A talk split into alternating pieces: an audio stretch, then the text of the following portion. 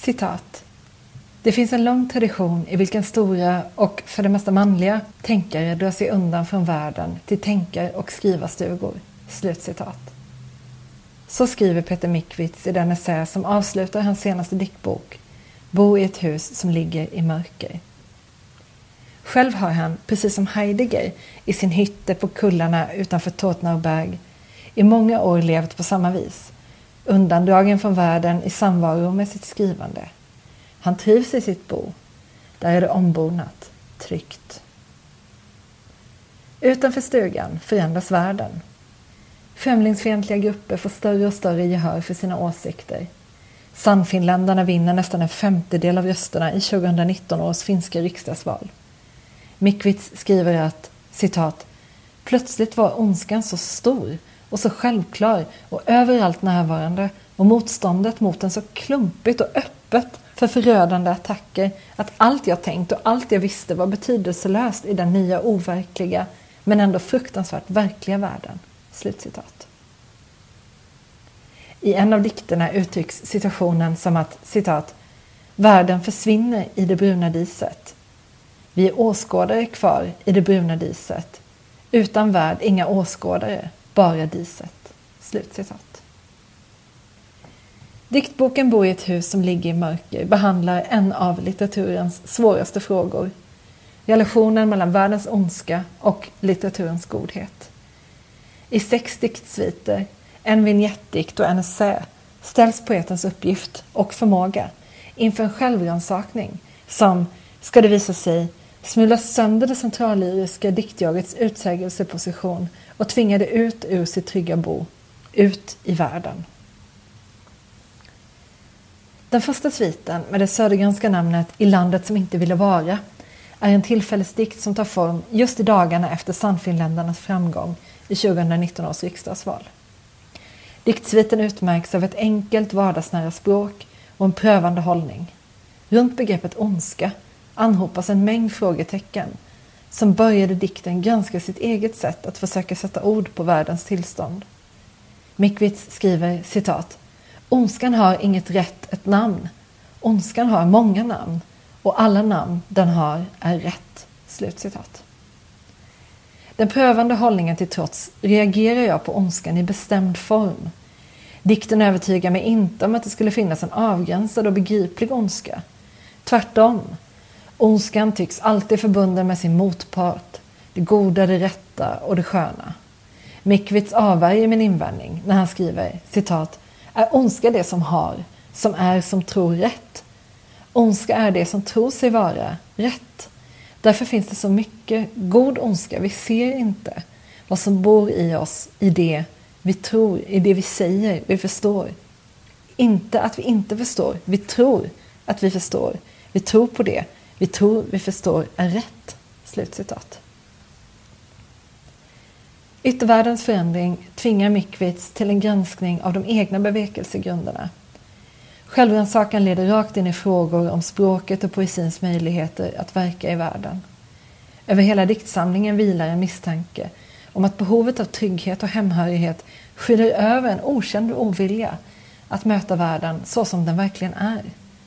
I en brännande passage skriver han citat Måste jag förstöra det, det här? Ja, nu måste jag förstöra detta. För jag har börjat tro, nu tror jag att jag har insett att det som känns bäst i mig, det som är tryggast, är det som är det värsta, det farligaste. Att just där i mig bor det mest onda i mig. Där, här, i den blindaste fläck som finns i mig. Längst inne i mig. Slutcitat. Poeten vill alltså skriva dikt mot ondskan, men ondskan bemäktigar sig språket utplånar poesin och det motsägelsefulla, citat, gör det tredimensionella tvådimensionellt, slutcitat. Diktaren har byggt sig en språklig borg, där sitter han i sin ensamma trygghet och slåss med pennan mot en fientlig värld. När dikten visar att ondskan inte fungerar så, att ondskan finns i språket och därmed också i den trygghet som poesin tidigare skänkt poeten, då krävs något annat och diktsamlingen börjar om i essens form. Inledningsvis är jag skeptisk till ett sådant upplägg. Måste inte essäformen betraktas som ett misslyckande i relation till den ursprungliga ansatsen att skriva poesi. Det visar sig än en gång att Mickwitz föregriper min kritik. Han skriver citat om den här essän är ett misslyckande i förhållande till dikterna i boken så är jag nöjd.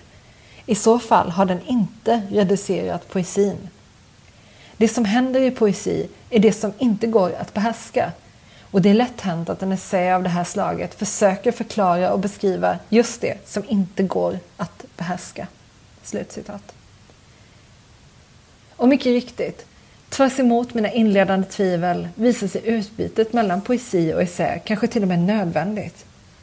Essän reducerar inte poesin och poesin minskar inte heller essäns betydelse. I Bo i ett hus som ligger i mörker blir det nämligen tvärtom. Det som sker i poesin framstår som ett sätt att försöka behärska, om så inte världens ondska, så poetens utsägelseposition. I essän däremot har jaget i texten placerat sig utanför sitt hus. Essän blir en väg tillbaka till poesin, nu som en ny plats utan skyddande väggar. För, citat, om jag på riktigt borde leva på någon viss plats så tror jag att det är i poesin jag vill leva. Slutcitat. Så vad är då poesin för plats? I sin ideala form är poesin enligt Mickwitz inte ett specifikt utrymme den är alla platser, de som inte finns och de som aldrig kommer att finnas samtidigt. Poesin är inte en modell av andra världar, en representation. Den är andra världar, beboeliga för oss på ett sådant sätt som annars är omöjligt, citat, i de bon vi bygger för att vara trygga. Slutcitat. Det rör sig alltså om raka motsatsen till att skriva en platsens poesi. Tron på en sådan platsens poesi är, menar Mickwitz, varken god eller en motpol till ondskan. Själva idén om en platsens poesi, den som förkroppsligas i Heideggers hytte, är tvärtom oansvarig, oetisk. Litteraturens uppgift måste istället vara, med ett citat av Kafka återgivet i essän, citat, yxan för det frusna havet inom oss, slutcitat. Litteraturen, fortsätter Kafka, ska drabba oss som en katastrof Vålla oss sorg så som när någon vi älskat mer än vi älskat oss själva dör.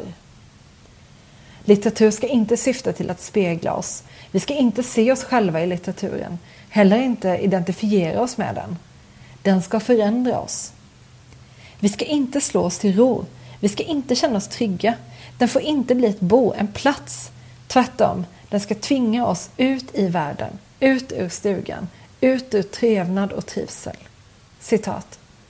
Hemmet har upphört och fantasin om hemmet var redskapet för mordet vi dör av det vi trodde vi var. Slutcitat. En sådan poetik grundar sig i en etik som återfinns i flera av Mikvits tidigare böcker. Redan i Passport Somaliland från 2012 riktar han en kritik mot nationalstaten, mot lojaliteten gentemot de egna, det kända och värnandet av nationsidentitetens gränser. Han skriver citat. Jag skulle vilja läsa en bok som handlar om andra, inte om mig, inte om oss. Slutcitat. Och lite längre fram i samma passage, citat. En bok i vilken någon inte går genom världen utan i vilken världen går genom någon. Slutcitat. Parallellt med Mikvits dikter läser jag litteraturvetaren Sven-Anders Johanssons senaste bok Litteraturens slut. Liksom i hans Göra ont, litteraturens metafysik från 2010, diskuteras frågan om litteraturens förmenta godhet och nu med särskilt fokus på den etik som Johansson tycker sig skönja i samtidslitteraturen och samtidsdebatten. Citat. Man skulle kunna hävda, skriver han, att en stor del av litteraturen och talet om litteraturen har föryrat sig in i etiken. Men man kan också argumentera för att de egentligen är allt annat än vilsna de har bara följt med sin tid. Slutcitat. Konflikten mellan gott och ont i Mickwitz poesi kan därför ses som en del av ett större samtal. En reaktion på en samtid som på många sätt kräver en författare som engagerar sig i sin omvärld. För Johansson finns det inte något sådant som ett bo, inget sätt att dra sig undan från världen. För världen är alltid där man själv är. Han skriver citat Litteraturen är alltid immanent i samhället och samhället är alltid immanent i litteraturen. Slutcitat. I Mikvits författarskap undersöks en helt annan etik med grund i Levinas filosofi och i fenomenologin. I essäboken Förlorat, fyra essäer från 2010, skriver Mikvits att citat Poesi är ett språk som är ett etiskt sätt att närma sig den andra. Att låta den andra vara och därmed att få världen att bli till.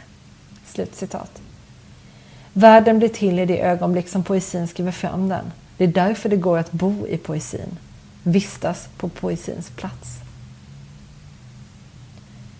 Två bud på hur litteraturen och världen kan och bör samverka.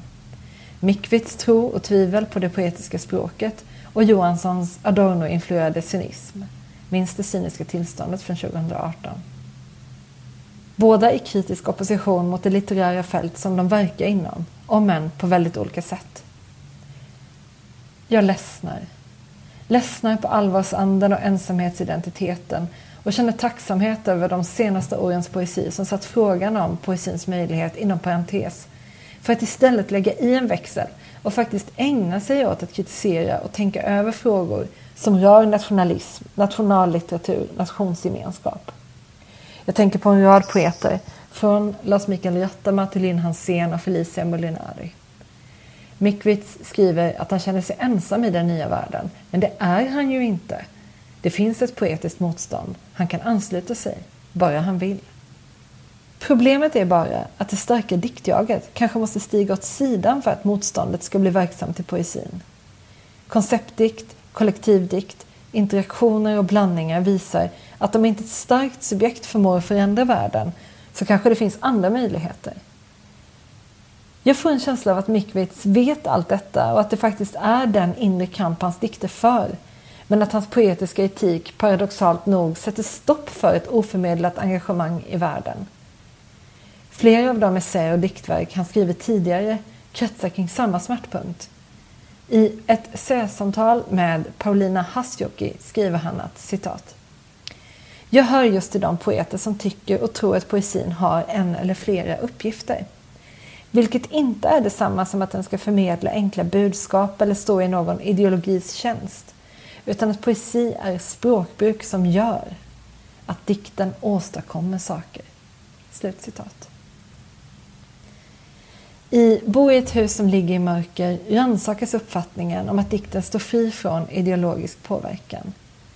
Att hävda en sådan sak är, om jag förstår Mikvits rätt, att gömma sig för världens annanhet. Essäformen blir en väg ut ur en sådan lyrisk subjektivitet. Den blir ett förslag på en form som tvingar ut diktjaget i verkligheten.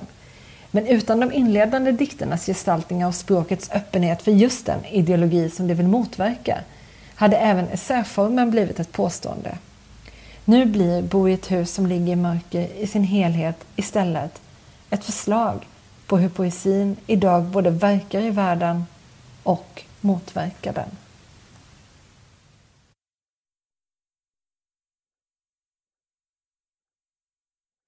Den här recensionen är originalpublicerad på www.ornenochkrakan.se under ansvarigt utgivarskap.